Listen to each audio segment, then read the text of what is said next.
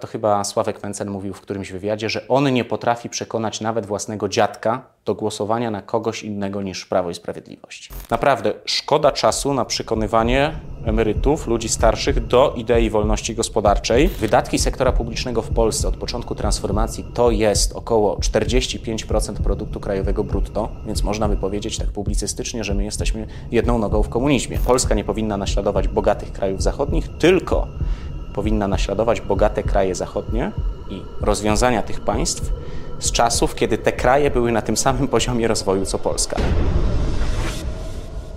Jacek Jakubik, witam na kanale Finansowy Preppers.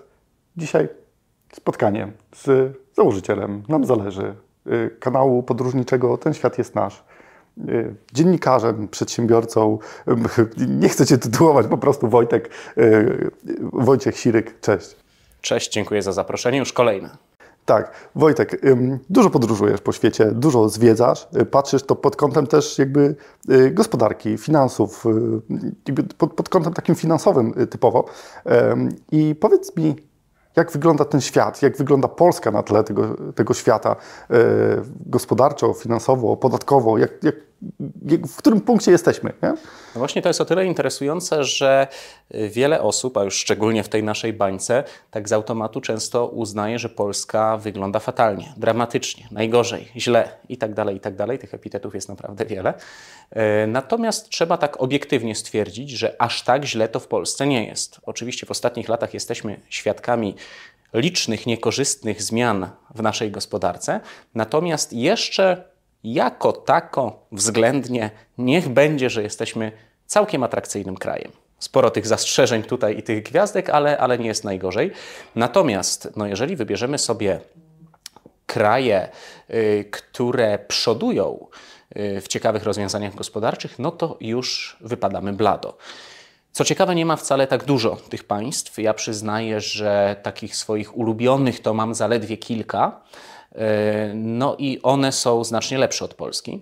Tutaj na pewno, na pewno można wymienić azjatyckie tygrysy, w szczególności mój ulubiony Tajwan, ale nie tylko, bo może to być też na przykład Korea Południowa, Singapur czy Hongkong. Zaledwie cztery gospodarki, no i już mamy standardowy problem w porównywaniu Polski do innych państw, czy gospodarek. Nie wszystkie te miejsca są państwami. Ano taki, że wymieniłem cztery i dla większości już dwa odpadają na starcie. Każdy powie, że Hongkong to się nie liczy, bo to państwo miasto, Singapur to też się nie liczy, bo to państwo miasto i to jeszcze położone na wybitnie yy, handlowym szlaku. Zostaje nam ten Tajwan i ta Korea Południowa. Zawsze coś. Więc oni na pewno są w dużej mierze lepsi, a na pewno są lepsi patrząc na to y, jako czy okiem wolnorynkowca, bo są to znacznie bardziej liberalne gospodarki, więc na pewno wskazałbym te kierunki.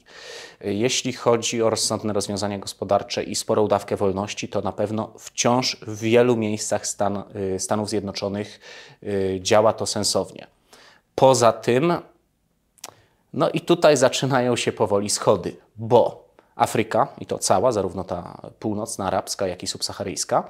E, no niestety tam wiele rzeczy nie domaga. Ja na łamach programu Ten Świat jest nasz przedstawiałem kraj taki jak Botswana. On działa bardzo dobrze, ale ja mocno podkreślałem, że on wybija się na tle pozostałych państw afrykańskich. A jeżeli zerkniemy do przeróżnych rankingów, czy to wolności gospodarczej, czy na przykład poziomu korupcji, to on jest plus minus taki jak Polska. A więc z naszej perspektywy powiedzielibyśmy, że no, nic szczególnego. Szacunek dla nich za to, że w tamtym regionie to osiągnęli, no ale jednak to nie to, do czego my aspirujemy. Ameryka Łacińska, Mamy Chile, też bardzo taki sztandarowy przykład. Natomiast to też jest kraj na poziomie Polski, jeśli chodzi o rozwój. Tam też parę rzeczy zepsuli w tej swojej gospodarce, więc to znowu nie będzie przykład dla Polaka. Europa, no to tutaj tak naprawdę po wschodniej stronie mamy kraje albo biedniejsze od nas, albo na podobnym do nas poziomie, więc to znowuż nie jest dla nikogo przykład. Może Estonia trochę się wyróżnia, przy czym znowu usłyszymy, że to jest za mały, państw, że za mały kraj, żeby się porównywać. No a po drugiej stronie mamy bogaty Zachód, który jest przeregulowany, ma wiele niepotrzebnych zupełnie przepisów, ale jest na tyle bogaty, że jest w stanie to udźwignąć. W Azji, poza tymi tygrysami Azji, yy, większość państw jest bardzo biednych. Więc y, nie ma tego dużo, nie ma tego dużo. Mm, bardzo szeroko to jakby omówiłeś i myślę, że dosyć wyczerpująco, ale jakbyś y, dał taki przykład, anegdotkę, jak y, powiedzmy mogłoby to wyglądać gdzieś indziej, Co moglibyśmy zaimplementować? To można żyć inaczej, zapewniam. Generalnie mamy taki problem, zauważyłem w Polsce, że o ile ktoś proponuje rozwiązania bardziej prosocjalne czy prointerwencyjne, jeśli chodzi o gospodarkę, to to rzadko spotyka się y, z argumentem, że to niemożliwe. To jakby wszyscy akceptują, że tak da się zrobić, tylko ewentualnie jest taka uwaga, że to jest głupie na przykład, ale da się. Natomiast jeśli proponuje się rozwiązania liberalne, to jest niesamowity syndrom wyparcia w Polakach. Zawsze coś, zawsze się nie da, bo Chiny i Stany, bo to są za wielkie państwa, to nie możemy tak zrobić. Yy, wspomniany wcześniej Hongkong czy Singapur to nie możemy, bo to są za małe z kolei yy, gospodarki, więc też nie możemy się porównywać. I tak za każdym razem jest coś innego. Nawet słyszałem, pamiętam, czy czytałem, ktoś mi napisał, że yy, te street foody i ta duża wolność gospodarcza na tajwańskich ulicach Y, tam może funkcjonować, bo tam jest przez większą część roku ciepło, a u nas jest jednak ta zima i jesień to by nie mogło działać. To jest oczywiście bzdurą, bo przecież elastyczność, no to przedsiębiorcy się dostosują. Poza tym, swoją drogą, tam mamy tajfuny, tam mamy inne problemy trochę niż w Polsce czy też intensywne opady deszczu na przykład, y, które potrafią prawda, z godziny na godzinę też uprzykrzyć życie tego typu sprzedawcom.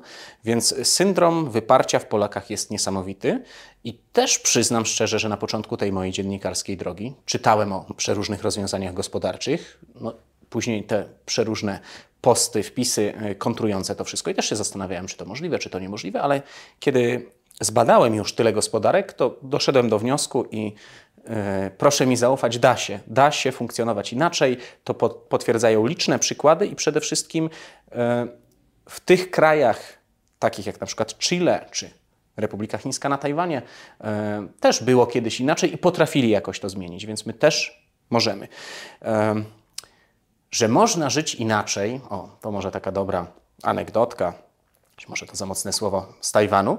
E, pamiętam, jak znajomy Polak, kiedy odwiedziłem Tajwan w roku 2018, opowiadał mi, że ma w pracy takiego kolegę, który zbagatelizował jego pytanie o to, czy wybiera się ze swoim rocznym rozliczeniem podatku dochodowego do Urzędu Skarbowego. E, ten zapytał go, że o co chodzi, dlaczego tam nie idziesz. A on powiedział, że a tam parę lat, mi, parę lat temu mi wyszło, że ja nie mam żadnej dopłaty. Później też mi wyszło, że nie mam żadnej dopłaty, jest na zero. Y, to szkoda mi dzisiaj pół dnia tam jechać, załatwiać, to to nie jadę. Już nie byłem dwa lata.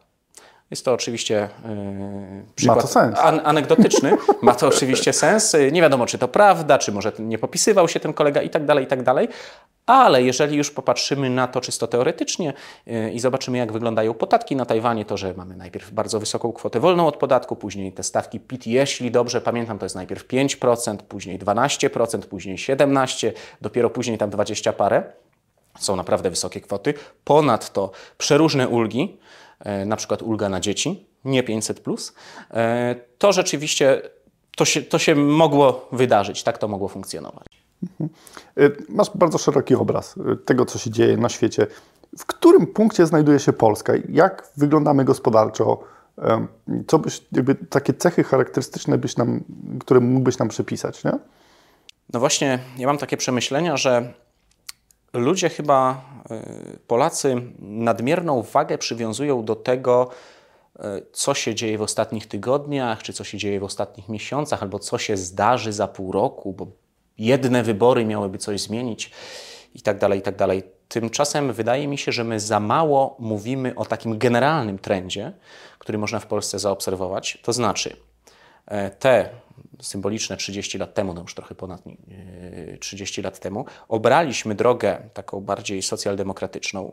Wbrew temu, co się nam wmawia wokół, to nie była transformacja z takiego pełnego socjalizmu, bo aż takim socjalizmem Polska nie była, do pełnego kapitalizmu, to jest bzdura. E, wydatki sektora publicznego w Polsce od początku transformacji to jest około 45% produktu krajowego brutto, więc można by powiedzieć tak publicystycznie, że my jesteśmy jedną nogą w komunizmie. E, zdarzyło mi się już mówić to w kilku wywiadach i niektórzy zwracali mi uwagę, że Zaraz, zaraz, to ty mówisz, że my mamy wydatki publiczne na poziomie tam 40 paru procent PKB i to niby już trochę tam komuny, no bo yy, prawie połowa gospodarki gdzieś tam przechodzi przez państwo. Nieprawda, nieprawda, bo przecież państwo coś ci daje z powrotem za to. możesz iść do lekarza, czy, czy masz szkołę dla dziecka. Śmiejemy się z tego często. Jest w tym trochę racji, no jednak coś mamy, no drogi się budują, coś się dzieje. Inna sprawa, jaka jest jakość tego wszystkiego. Natomiast moment, moment, zwracam uwagę. No to założenia państwa komunistycznego, takiego czysto komunistycznego czy socjalistycznego, też są takie, że 100% PKB niech będzie przechodziło przez państwo. No i też przecież mają coś za to dawać. Ma być lekarz dla wszystkich, ma być szkoła dla wszystkich. Także mm, podtrzymuję tę tezę. Jesteśmy prawie jedną nogą y, po tej drugiej stronie, chyba nie do końca właściwej. No i mm, zresztą społeczna gospodarka rynkowa to najlepiej oddaje y, charakter y, ustroju, który mamy w Polsce. I na co chciałbym zwrócić uwagę?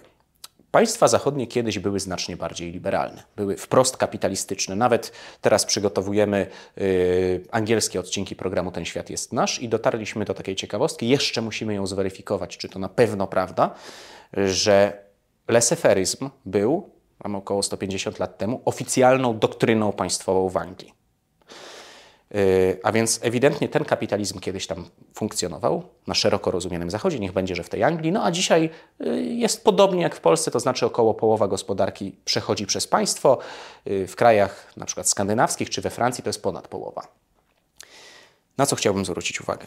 To nie jest tak, że pewnego dnia ktoś wstał, czy całe społeczeństwo zdecydowało, hmm, no mamy kapitalizm, ale może jednak spróbujmy czegoś innego. Od jutra połowa gospodarki będzie przechodziła przez państwo. No nie, to był proces, który trwał dziesięcioleciami, czy wręcz przez cały XX wiek, bo tak niektórzy to argumentują. E, I to się działo krok po kroku, i tej ingerencji państwa było coraz więcej. I to samo mamy w Polsce.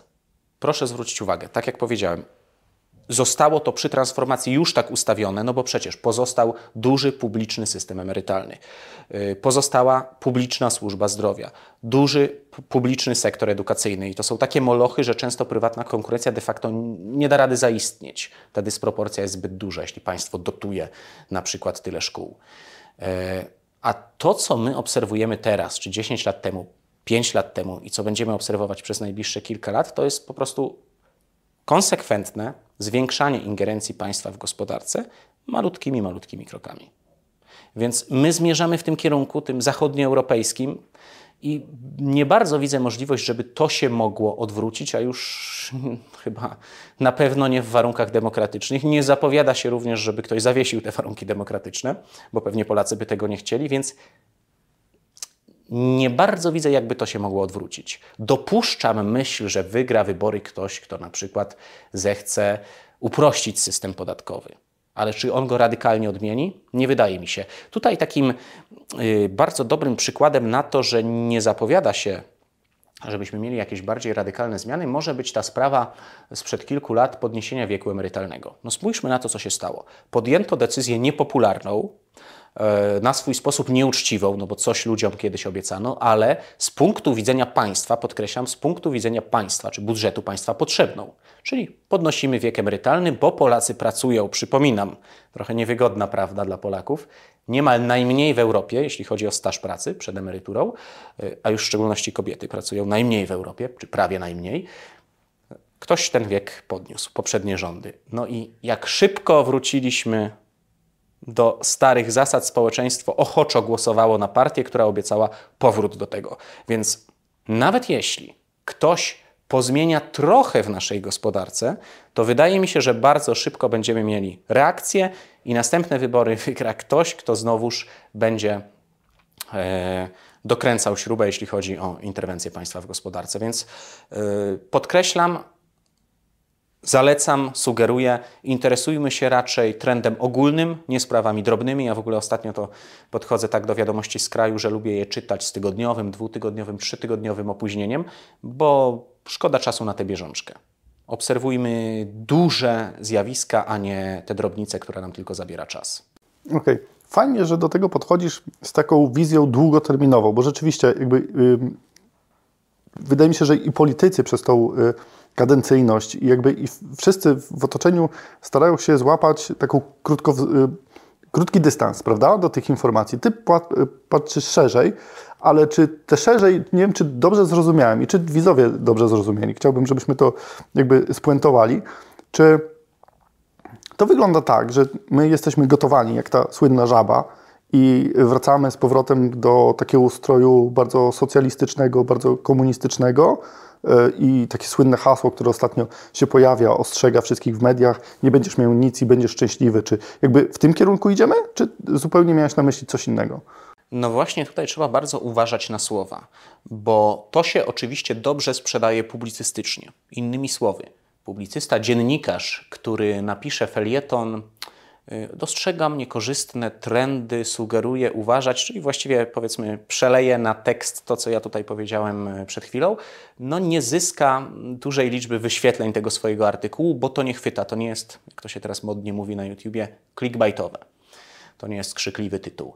Yy, więc lepiej na grubo, prawda? Idzie komuna, zabiorą nam własność, nie będziemy mieli niczego i będziemy musieli udawać, że jesteśmy szczęśliwi i tak dalej, i tak znaczy, dalej. Wiesz, Tylko o... trzeba uważać, żebyśmy czasami nie kompromitowali tego, no bo jednak, co by nie mówić, nie mamy socjalizmu w tym sensie, że nie ma własności prywatnej. Ona jest, tylko jest ograniczana i w dużej mierze przepływa, czy w pewnym sensie przepływa przez państwo, jest kontrolowana przez państwo. Więc nie sądzę, żeby wprowadzono pełną komunę. Wydatki sektora publicznego nie sięgną 100% produktu krajowego brutto, e, ale bardzo możliwe, że będą konsekwentnie zwiększane. Mhm. to czy, się będzie działo tylko powoli. Ale czy jakby chcesz y, to zmiękczyć, żeby przekaz był lżejszy? Czy jakby dostrzegasz, się precyzyjnie. Czy, czy dostrzegasz zagrożenie rzeczywiste? Nie? Jak najbardziej dostrzegam zagrożenie. Uważam, że tej ingerencji państwa będzie coraz więcej. I tutaj bardzo ważna sprawa. Na fali tego, co się działo w ostatnich latach, niestety te, te, ta ingerencja, te ingerencje przeróżnych rządów przyspieszyły.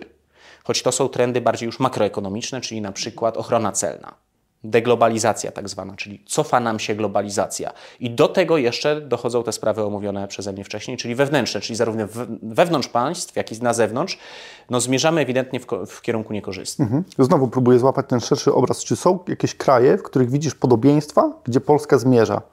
Czy możesz to porównać do miejsca, w którym się znajdziemy za kilka, kilkanaście lat? Myślę, że będzie to szeroko rozumiana Europa Zachodnia.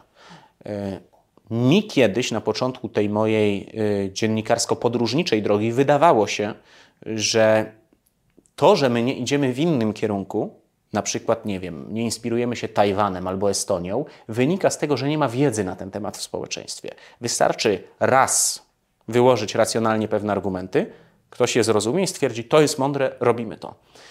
Przeliczyłem się, Mówiłem o tym syndromie wyparcia. Jeżeli wyłożymy takie argumenty, to będzie bardzo mocny syndrom wyparcia. Dowiemy się, że nie możemy mieć takiego systemu jak na Tajwanie, bo tam nie wiem, bo to wyspa, a my nie, bo tam jest cieplej, a tu jest trochę zimniej. Cokolwiek, tam ktoś coś wymyśli na pewno. E, albo że jest za mały Tajwan itd. itp. E, I zostanie zaproponowana, czy będzie konsekwentnie proponowana łatwiejsza droga, będzie tradycyjnie wskazywanie na Europę Zachodnią e, i będzie mówione, no popatrzcie, a w Niemczech jest tak, we Francji jest tak, w Anglii jest tak i jest taki zasiłek i jakoś to działa. I pracują tam parę godzin tygodniowo yy, mniej i jakoś to działa. No to też musimy to wprowadzić, no to też musimy to wprowadzić, więc yy, będziemy konsekwentnie naśladować Europę Zachodnią. Polacy uparcie ignorują fakt, że te państwa są wielokrotnie bogatszy od Polski, wciąż jeśli chodzi o zarobki, jeśli chodzi o PKB, natomiast pamiętajmy również o różnicach majątkowych. Statystyczny Niemiec, Szwajcar, Francuz jest dużo bogatszy od statystycznego Polaka, z duże zapóźnienie. Mamy zapóźnienia również w takich sprawach jak na przykład stopień y, urbanizacji. U nas jest to oburzenie, że tam drogie mieszkanie w wynajmie i tak dalej, i tak dalej. No tak, ale te miasta na zachodzie rosły znacznie wcześniej. Zresztą, no popatrzmy na liczby. 40 milionów prawie mieszkańców i zaledwie jedno miasto powyżej miliona, o czymś to mówi. Poza tym nie pamiętam, przyznaję się szczerze, bieżących danych, ale chyba 30 parę czy pod 40% Polaków wciąż nie mieszka w miastach. Więc tak naprawdę my na swoich barkach cały czas, my jako społeczeństwo, mamy ten trud urbanizacyjny jeszcze przed sobą. No ale Polakom to nie przeszkadza, bo tam w Niemczech są takie, takie i takie zasiłki, wprowadzamy takie same w Polsce. Ale czy to nie jest tak, Wojtek, że e, wiesz, my się patrzyliśmy zawsze na zachód, bo był lepszy, bo jechaliśmy do, na przykład do Niemiec, do naszych sąsiadów. My chyba mamy trzy autostrady takie które są w Polsce do tej pory, a tam cały czas zasuwasz po autostradzie. Przez całe Niemcy przyjedziesz w każdą stronę. E, jakby, wiesz, widzimy te drogi, widzimy te sklepy, to wszystko i dlatego byliśmy zachłyśnięci Zachodem, bo tam było lepiej. A Tajwan nie jest jakby takim wyznacznikiem, jakby nie kojarzymy Tajwanu z nowoczesnymi autostradami, z wielkimi centrami handlowymi i tak. I staramy się jakby iść w tą stronę, w którą wydaje nam się, że jest lepsza, chociaż wizualnie. Czy to jest taki błąd poznawczy, czy... Yy... Oczywiście, że tak. Tajwanu to nie ko kojarzymy, mówię szeroko, z niczym. Yy, ja nawet w swoim pierwszym odcinku na temat Tajwanu pozwoliłem so sobie na taki bardzo okrągły wstęp. W pierwszej scenie, nie tej otwierającej, bo zawsze mam takie króciutkie 20-30 sekundowe scenki otwierające, tylko już w pierwszej takiej powiedzmy w miarę merytorycznej scenie, tej po intro, gdzie wyłożyłem na samym początku, czym Tajwan nie jest. I musiałem odciąć się od pewnego skojarzenia, żeby nie mylić Tajwanu z Tajlandią. Parę osób mnie za to krytykowało w komentarzach, że komu się to myli, to bzdura, co, co, co, co to za program i tak dalej. Proszę mi uwierzyć na słowo, myli się. I nawet bronili mnie polscy mieszkańcy Tajwanu, ileż to razy nie, musi, nie musieli tłumaczyć swoim znajomym, że nie wiem, mieszkanki Tajwanu to nie są tajki. Więc poziom wiedzy jest zerowy jest to na swój sposób zrozumiałe, no bo jakie my mamy związki z Tajwanem? Żadne. Jeszcze w ogóle pomijam, że Tajwan jest izolowany na arenie międzynarodowej. Inspirujemy się w dużej mierze tymi państwami, które albo są blisko, to tak jak mówisz, albo po prostu często tam emigrowaliśmy. Bo Stany Zjednoczone blisko nie są, a też y, w dużej mierze Polacy lubią na Stany wciąż patrzeć. Może młodsi Polacy już trochę mniej, ale gdzieś tam zawsze te Stany były wzorem, prawda, w starszym pokoleniu. Y, więc tam emigrowaliśmy i stamtąd czerpiemy informacje, bo, tak powiem bardzo przyziemnym językiem, no jeżeli jakiś tam wujek Stanisław z rodziny pojechał do Niemiec, zarobił bardzo dużo pieniędzy w dwa lata i później przez 30 kolejnych lat opowiada o tych Niemczech, no to wiadomo, że to będzie dla niego kraj wzór. Mocno inspirujemy się Zachodem, ale czy w tą stronę powinniśmy iść? W ogóle, która strona jest dobra, w którą powinna iść Polska, żeby ten kraj był silny, mocny gospodarczo, żeby to było, to było coś to jest przyjemne takie życie, żeby było mlekiem miodem płynące, prawda? Bardzo szerokie pytanie i też bardzo trudne, bo tak jak powiedziałem, my naprawdę mamy dużo do nadrobienia wciąż, więc to nie będzie takie proste. To jeszcze, żeby niejako skończyć wątek tego zachodu. Powiem może pewien banał, bo on już wybrzmiał nawet na polskim YouTubie miliony razy i w formie przeróżnych infografik w sieci. No, nie mogę się nie odwołać do Miltona Friedmana, który powiedział, że Polska nie powinna naśladować bogatych krajów zachodnich, tylko powinna naśladować bogate kraje zachodnie, i rozwiązania tych państw z czasów, kiedy te kraje były na tym samym poziomie rozwoju co Polska.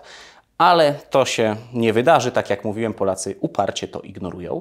Ja bym Zachodu nie naśladował. Tak jak mówię, mam poglądy zdecydowanie wolnorynkowe i uważam, że to w tym kierunku powinna przetransformować się polska gospodarka. Zresztą przykłady, i to jest też bardzo ważne, szybkiego wzrostu gospodarczego w ostatnich dziesięcioleciach to są najczęściej przykłady państw, które bardzo mocno poszły w kierunku wolnego rynku. Czy to azjatyckie tygrysy, czy no też na swój sposób Europa Środkowo-Wschodnia. Jednak rynek tu zaistniał. Według mnie, gdyby tego rynku było więcej, a mniej udziału państwa w gospodarce, rozwój byłby jeszcze lepszy. Choć oczywiście wiele osób będzie sobie na ten temat dyskutować, twierdzić, że nie i tak dalej, i tak dalej. Będzie to trudne, jeszcze raz do tego wrócę. No, mamy taki przykład, to chyba Sławek Mencen mówił w którymś wywiadzie, że on nie potrafi przekonać nawet własnego dziadka do głosowania na kogoś innego niż Prawo i Sprawiedliwość, na inną formację. Nie przekonasz ich. W ogóle mam taką tezę, ostatnio miałem takie przemyślenie. Naprawdę, szkoda czasu na przekonywanie emerytów, ludzi starszych do idei wolności gospodarczej. Od razu zaznaczam, wielki szacun dla wszystkich osób już w podeszłym wieku, emerytów i tak dalej, y, którzy nas teraz oglądają i są z nami, mają nasze poglądy, y, są w tej bańce, rozumieją, jak to wszystko działa. Ogromny szacunek dla Państwa, ale proszę wybaczyć, 99 albo ponad 99% Państwa rówieśników ma ten wspomniany wcześniej syndrom wyparcia i oni tych poglądów nie zaakceptują. Boję się nawet, że to nie dotyczy tylko osób w wieku 70-80 lat, ale nawet już 45, 55, 60, bo widziałem to wielokrotnie na przykładzie licznych dyskusji y, moich znajomych z pokoleniem wyżej, na przykład ze swoimi rodzicami czy dziadkami. Nawet kiedy człowiek nad kimś pracuje, mówiąc kolokwialnie, rok, dwa, trzy lata i widać po tym drugim człowieku, że dociera to do niego, że on to rozumie, że te dwa lata rozmów przy herbacie wieczorem z rodzicem coś wnosi i, i, i ten człowiek zaczyna dostrzegać, że może ten model, którego był uczony przez całą komunę, nie był do końca właściwy, że to nie jest tak, że państwo wszystko wszystkim powinno zapewniać, to potem wystarczy zaledwie tydzień albo dwa tygodnie i ten człowiek wraca do ustawień fabrycznych. Szkoda na to czasu. Obawiam tak, się, to, że. To jest jedna statystyka, ale dużo młodych powiela ten jakby taki stereotyp i mówi, że im się należy, że oni są, rodzą dzieci, to im się należy 500, potrzebują tych socjali i tak dalej. Jakby gdzie leży problem? Bo okej, okay, mówimy sobie, że ciężko jest zmienić społeczeństwo, ciężko jest ruszyć dalej, żeby zaimplementować tą gospodarkę wolnorynkową w głowach jakby wszystkich. Oczywiście my też jesteśmy w swojej bańce, dla nas to jest jedyny słuszny pogląd, w którym myślimy, że może być ok, ale tak naprawdę, skoro większość tak twierdzi, to co my z tym możemy zrobić? Czy mamy się dostosować, czy mamy jakby bić się z wiatrakami, nie? Jakie jest rozwiązanie? Y, jesteśmy w dziwnej sytuacji, w której patrzymy na kraje, w których jakby to się działo i to było implementowane, robimy zupełnie co innego. Ten wzrost gospodarczy nie wychodzi nam tak jak tamtym krajom wcześniej, wiadomo dlaczego, ale co my możemy zrobić jako, jako ja, Jacek, jako ty, Wojtek, jako nasi widzowie? Co możemy zrobić, żeby zmienić coś w, w gospodarce. Wybacz y, taką brutalną szczerość. Przepraszam, jeżeli zawiodę tym niektórych słuchaczy, ale obawiam się, że jesteśmy w naprawdę beznadziejnej sytuacji. Ludzie z natury pragną rozwiązań prostszych.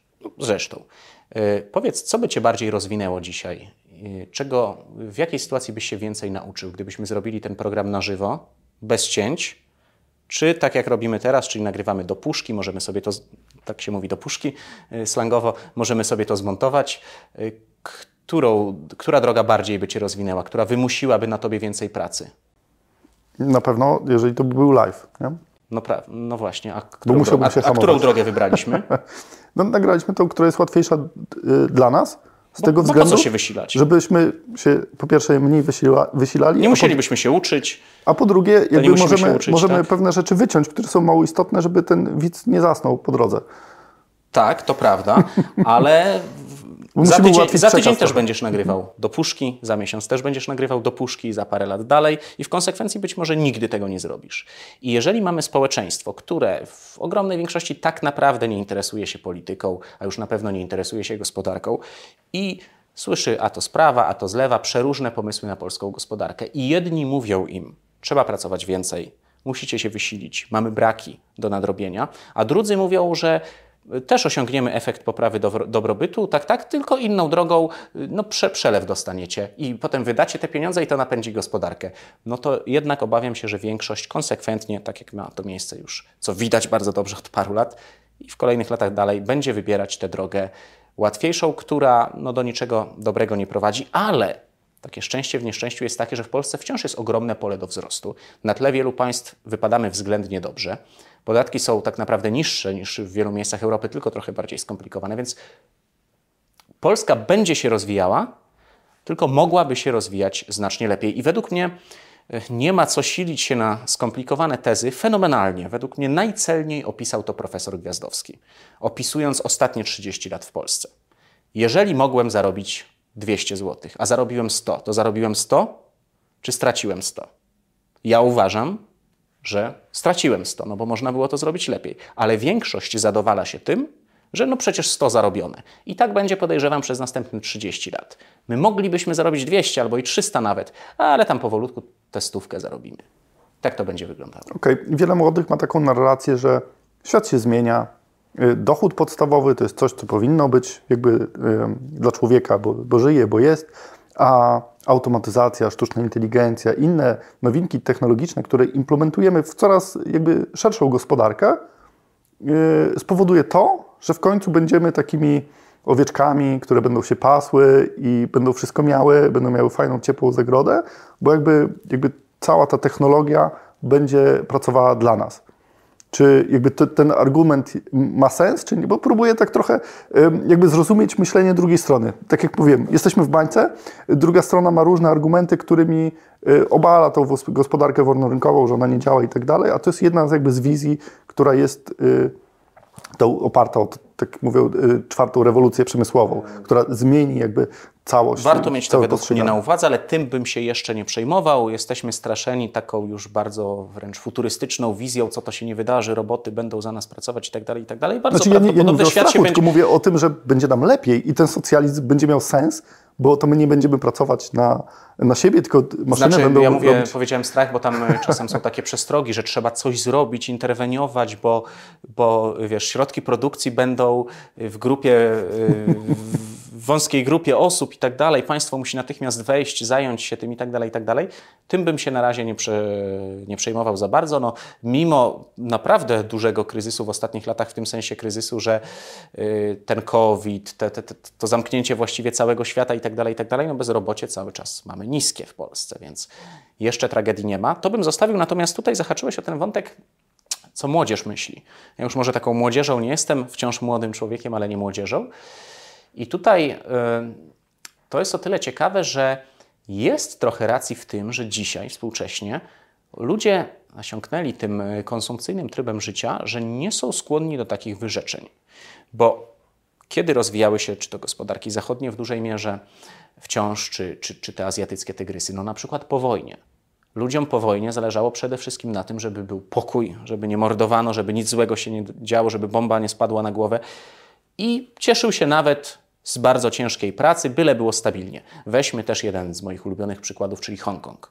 Kto uciekał do Hongkongu? Biedni migranci z Chin, w których była no, naprawdę ciężka komuna i straszliwa bieda, uciekali w dużej mierze na bosaka z niczym. Więc cokolwiek oni zastali na miejscu, to i tak ich to cieszyło, nawet bardzo ciężką pracę. Tym bardziej ich to cieszyło, że ich poziom dobrobytu bardzo szybko wzrastał. Natomiast dzisiaj mamy już ten względny poziom dobrobytu w Polsce. No i jakoś ludzie nie są skłonni i pewnie nie będą skłonni y, nagle w jakiś bardzo wytężony sposób pracować. I to jest rzeczywiście pewna, pewna zmiana, że no te apele wolnorynkowców po prostu nie będą działały. Być może zadziałają, kiedy e, doszlibyśmy, znaleźlibyśmy się pod ścianą, czyli jakiś naprawdę duży kryzys by, by w nas uderzył, no bo na razie to mamy właściwie spowolnienie czy tam techniczną recesję. Ale ja myślę, że to jednak będzie tak cały czas, że będzie do zarobienia te wspomniane 200 bądź 300 zł, ale my cały czas będziemy te 100 zarabiać. Więc takie apele o wytężoną pracę, o własną ambicję, o odpowiedzialność, o wolność, to w ogóle nie będą działały. Wyszła nam taka bardzo filozoficzna rozmowa i dochodzimy do puenty, w której jesteśmy bezradni. Może jeszcze jeden wytrych spróbujemy włożyć i może jeżeli nie tu, jeżeli tu jesteśmy, w, moczymy się w takim bagnie, może gdzieś wyjedźmy, spakujmy ten plecak finansowego prepersa, zabierzmy swoje złoto, gotówkę, kryptowaluty, pojedźmy gdzieś i y, znajdźmy lepsze życie do, y, lepsze miejsce do życia. Y, gdzie takie miejsce znaleźć? Czy takie miejsca w ogóle istnieją? To jest jedno z najczęstszych pytań, jakie dostaję, i tutaj zawsze uczciwie podkreślam, że tyle jest zmiennych w każdym z nas, że bardzo trudno w sposób uniwersalny wskazać takie miejsca.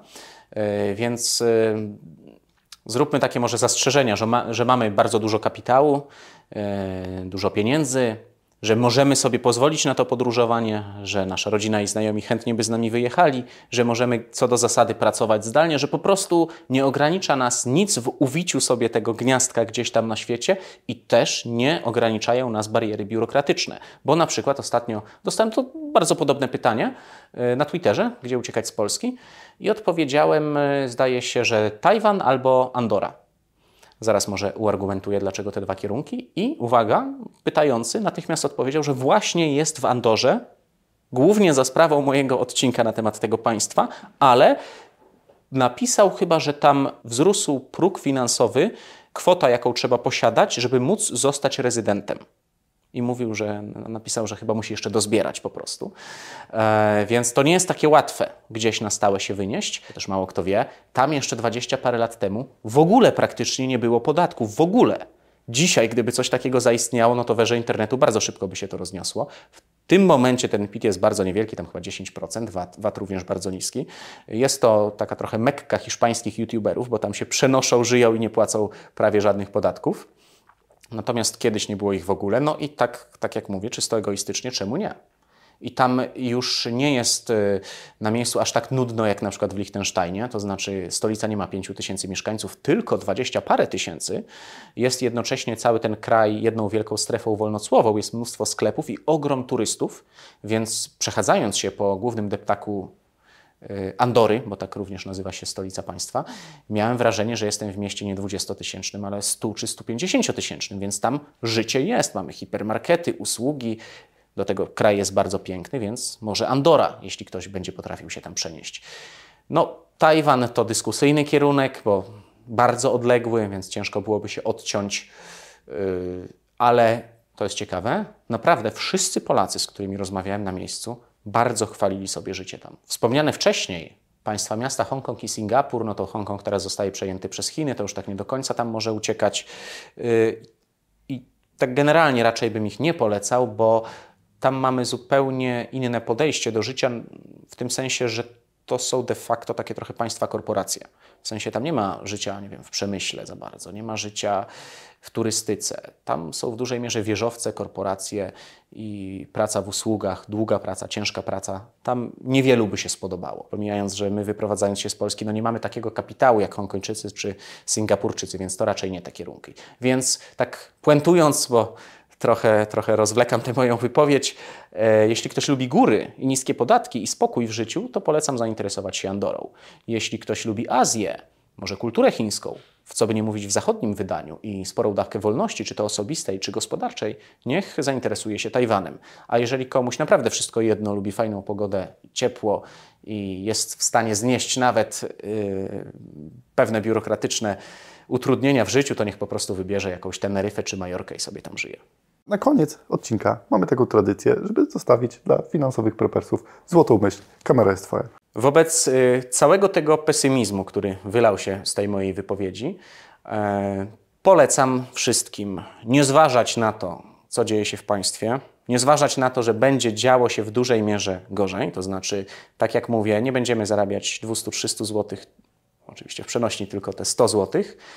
Jeżeli chcecie więcej, jeżeli wy chcecie spróbować wycisnąć 100% ze swojego życia i cały czas walczyć o te 200-300 pomimo tych problemów, to róbcie konsekwentnie swoje, nie przejmujcie się tym, ale jeżeli możecie, spróbujcie czasami dokładać swoją cegiełkę.